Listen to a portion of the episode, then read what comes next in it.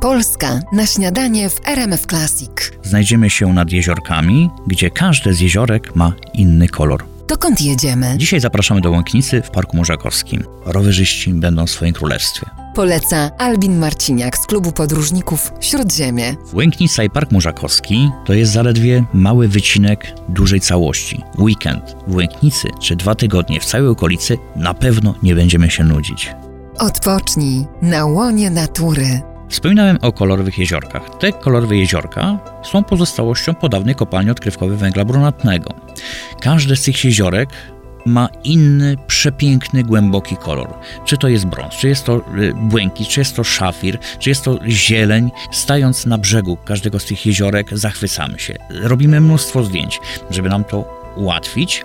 Powstała niedawno piękna wieża widokowa.